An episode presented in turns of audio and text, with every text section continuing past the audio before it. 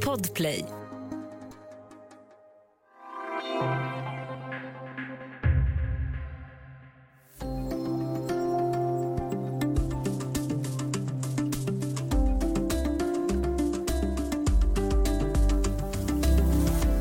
Det har gått 20 år. Nu har sista dagen kommit och USA lämnar Afghanistan. Men det sker knappast på det vis som president Joe Biden hade velat. Vad betyder de senaste veckorna för synen på amerikansk utrikespolitik? Och vad händer nu? Välkommen till Studio DN. Jag heter Sanna Thorén Björling.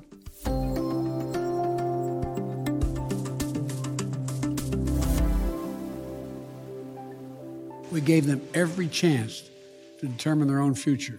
We're going to do everything in our power to get all Americans out and our allies out. There is no way to evacuate this many people without pain and loss of heartbreaking images you see on television. Every day we're on the ground is another day we know that ISIS K is seeking to target the airport and attack both U.S. and allied forces and innocent civilians.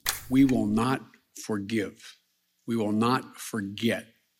We will hunt you down med oss i Studio DN idag har vi kanske inte Joe Biden, men vi har väl en av poddens stamgäster, Mikael Winjarski, DNs utrikeskommentator. Välkommen! Tack. Ja, de senaste dygnen har mycket kretsat kring flygplatsen i Kabul, massevakueringarna därifrån och säkerheten där. Det har varit ganska turbulenta dygn med ett terrorattentat som en IS-falang tagit på sig och en amerikansk hämndattack. Enligt USA har ytterligare ett större attentat avvärjts eh, då USA ska ha oskadliggjort en bomb i en bil i ett bostadsområde. Och bland dödsfallen där fanns ju flera barn. USA har också skjutit ner raketer som har avfyrats mot flygplatsen. Strax är det där slut, men Micke, vad händer med flygplatsen nu? Ja, det är väl... Talibanerna lär ju ta över den och, det, alltså, och då, då betyder ju också att de här internationella flygevakueringarna är slut också. Nästan alla har väl redan slutat med det. det väl, amerikanerna fortsätter väl in i det sista till den sista på tisdagen här nu. Sen är det frågan vad som händer sen. En fråga är vad som händer med alla de afghaner som skulle vilja ta sig ut ur landet därför att de är rädda för vad talibanstyre kommer innebära. Och så finns det, lär det finnas fortfarande, i alla fall i måndags rapporterades att det fanns ett par hundra amerikaner kvar också. Det var lite oklart om alla de vill ut och om de kommer kunna komma ut i sista sekunden här nu. USA är ju verkligen bra på storskaliga operationer. De har evakuerat över 114 000 personer på ett par veckors tid. Det är ju helt enormt mycket folk. Du nämnde de här andra amerikanska medborgarna som är kvar. Hur sant är det att USA verkligen lämna. Man kommer inte ha någon ambassad där och så, men kommer det att finnas inga amerikaner alls då? Nej, jag tror inte det. Det, det, det är möjligt att eh, de som har valt att de vill stanna, de kommer ju naturligtvis inte tvingas ut av amerikanerna. Och några som kanske inte lyckas ta sig till Kabul och till flygplatsen. Men det kommer inte finnas någon officiell amerikansk närvaro, i alla fall inte till en början med på det viset kan man säga att USAs engagemang för, när, för ögonblicket i alla fall är slut. USAs krig är också slut. Men sen är, det, sen är det en annan sak att bara för att Joe Biden säger att USAs krig i Afghanistan är slut så betyder ju inte att de andra, motsidan, är av samma uppfattning. Jihadisterna, alltså särskilt eh, Islamiska staten som nu har visat, eh, visat sig här nu genom det här terrordådet i slutet på förra veckan de håller nog inte med om det, utan de kommer försöka fortsätta attackera USA. Problemet för dem är att USA, om inte USA finns kvar i Afghanistan, då måste de ju attackera dem internationellt någon annanstans. Det är motsvarande problem med amerikanerna. Ska de komma åt IS, Islamiska staten Khorasan som de heter, så måste de ju finnas någonstans i närheten. Men nu kommer inte amerikanerna ha några militära resurser kvar i Afghanistan, utan då får de attackera dem från Qatar eller Persiska viken eller Indiska oceanen eller något liknande. Så det blir en annan, det blir en annan femma. Jag ska återkomma lite till det där, det är jätteintressant. Eh, Mikael, du har ju bevakat utrikespolitik och Mellanöstern, Sovjetunionen, Ryssland och USA i flera decennier. Och du har ju också varit i, i eh, många av de här länderna, inklusive Afghanistan, och du har bevakat amerikanska presidenter. Om du ser till Vita huset och Pentagon, där man väl uppenbarligen då underskattade hur snabbt talibanerna skulle ta över Afghanistan. Trots att man hade väldigt mycket information om att kriget i Afghanistan inte gick kanske som det, som det var tänkt. Hur, hur kunde man begå ett sånt här misstag, tror du? Om det nu var ett misstag. Ja, Biden säger att det inte var något misstag utan han visste allt och så har han skyllt på den afghanska regeringen och regeringsarmén att de inte skötte sig. Vi som hade utrustat dem så bra och utbildat dem så bra och så vidare. Det, var, det har ju framkommit nu att underrättelsetjänsten, både CIA och den militära, hade varnat för att den här regeringens, Kabul-regeringens sammanbrott skulle ske mycket, fortare, mycket fort. Och det verkar inte som om de här säkerhetsrådgivarna i Vita huset tog det där riktigt på allvar. Det, men det är ändå konstigt. Oavsett hur snabbt det skulle gå så visste ju alla att så småningom kommer talibanerna ta över, även om, oavsett om det handlar om månader eller veckor. Så då kan man ju fundera på varför var de ändå inte bättre förberedda på hur en evakuering skulle gå till? Det verkar inte ha funnits någon riktig plan för det. Så att, och nu när USA, då, som du mycket riktigt sa, genomförde en ganska imponerande evakueringsoperation de här sista två veckorna, så behövde de ju skicka 6 000 soldater för att genomföra det. Det kunde man ju kanske ha tänkt på innan.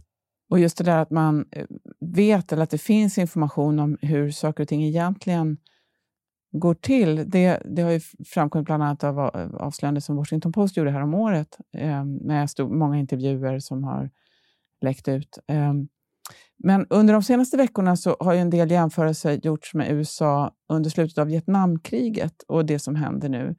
Hur relevanta tycker du, Micke, att de där jämförelserna är?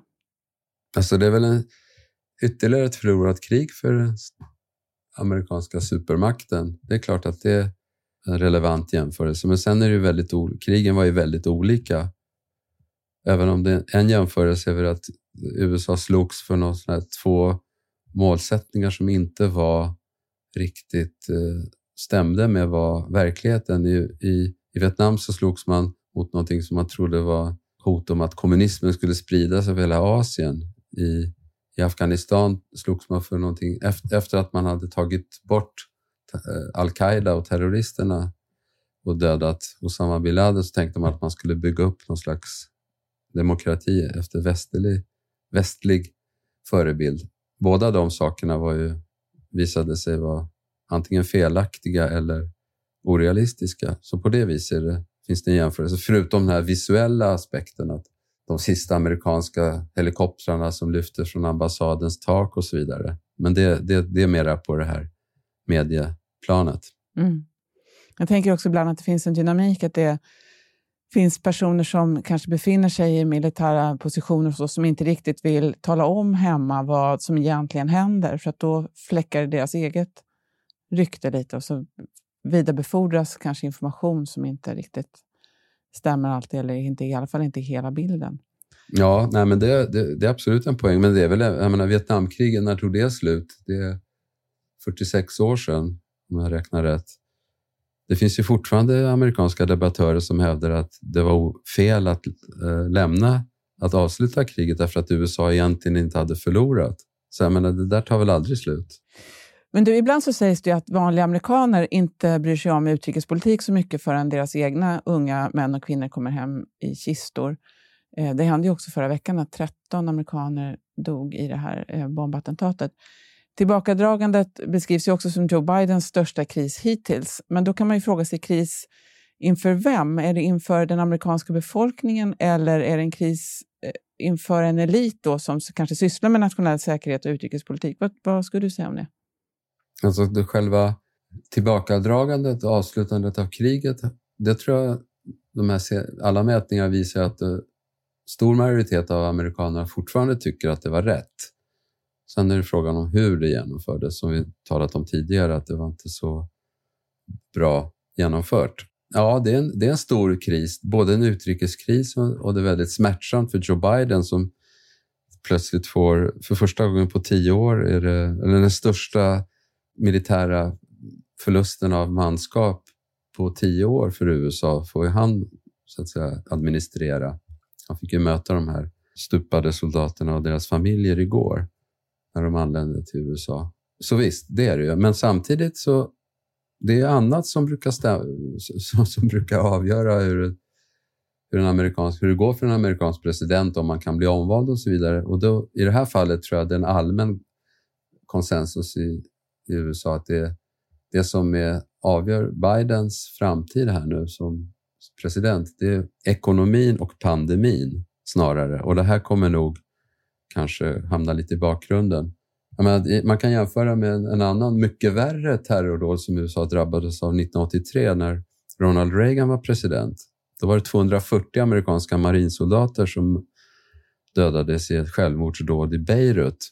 Ja, det var, det var svårt. Men eh, ett år senare så vann han presidentval, blev han omvald med rekordsiffror. Och nu är det långt kvar ännu till nästa presidentval i USA. Vi ska alldeles strax prata mer om hur USAs roll i världen kan förändras.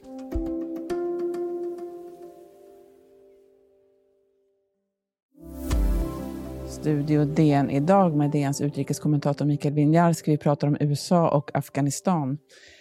Ibland sägs det ju att USAs stora misstag är att man upprepade gånger har trott att det går att utrota extremiströrelser och ideologier med militärt våld. Du var inne på det lite grann tidigare, Micke. Vad tycker du om den slutsatsen? Stämmer det?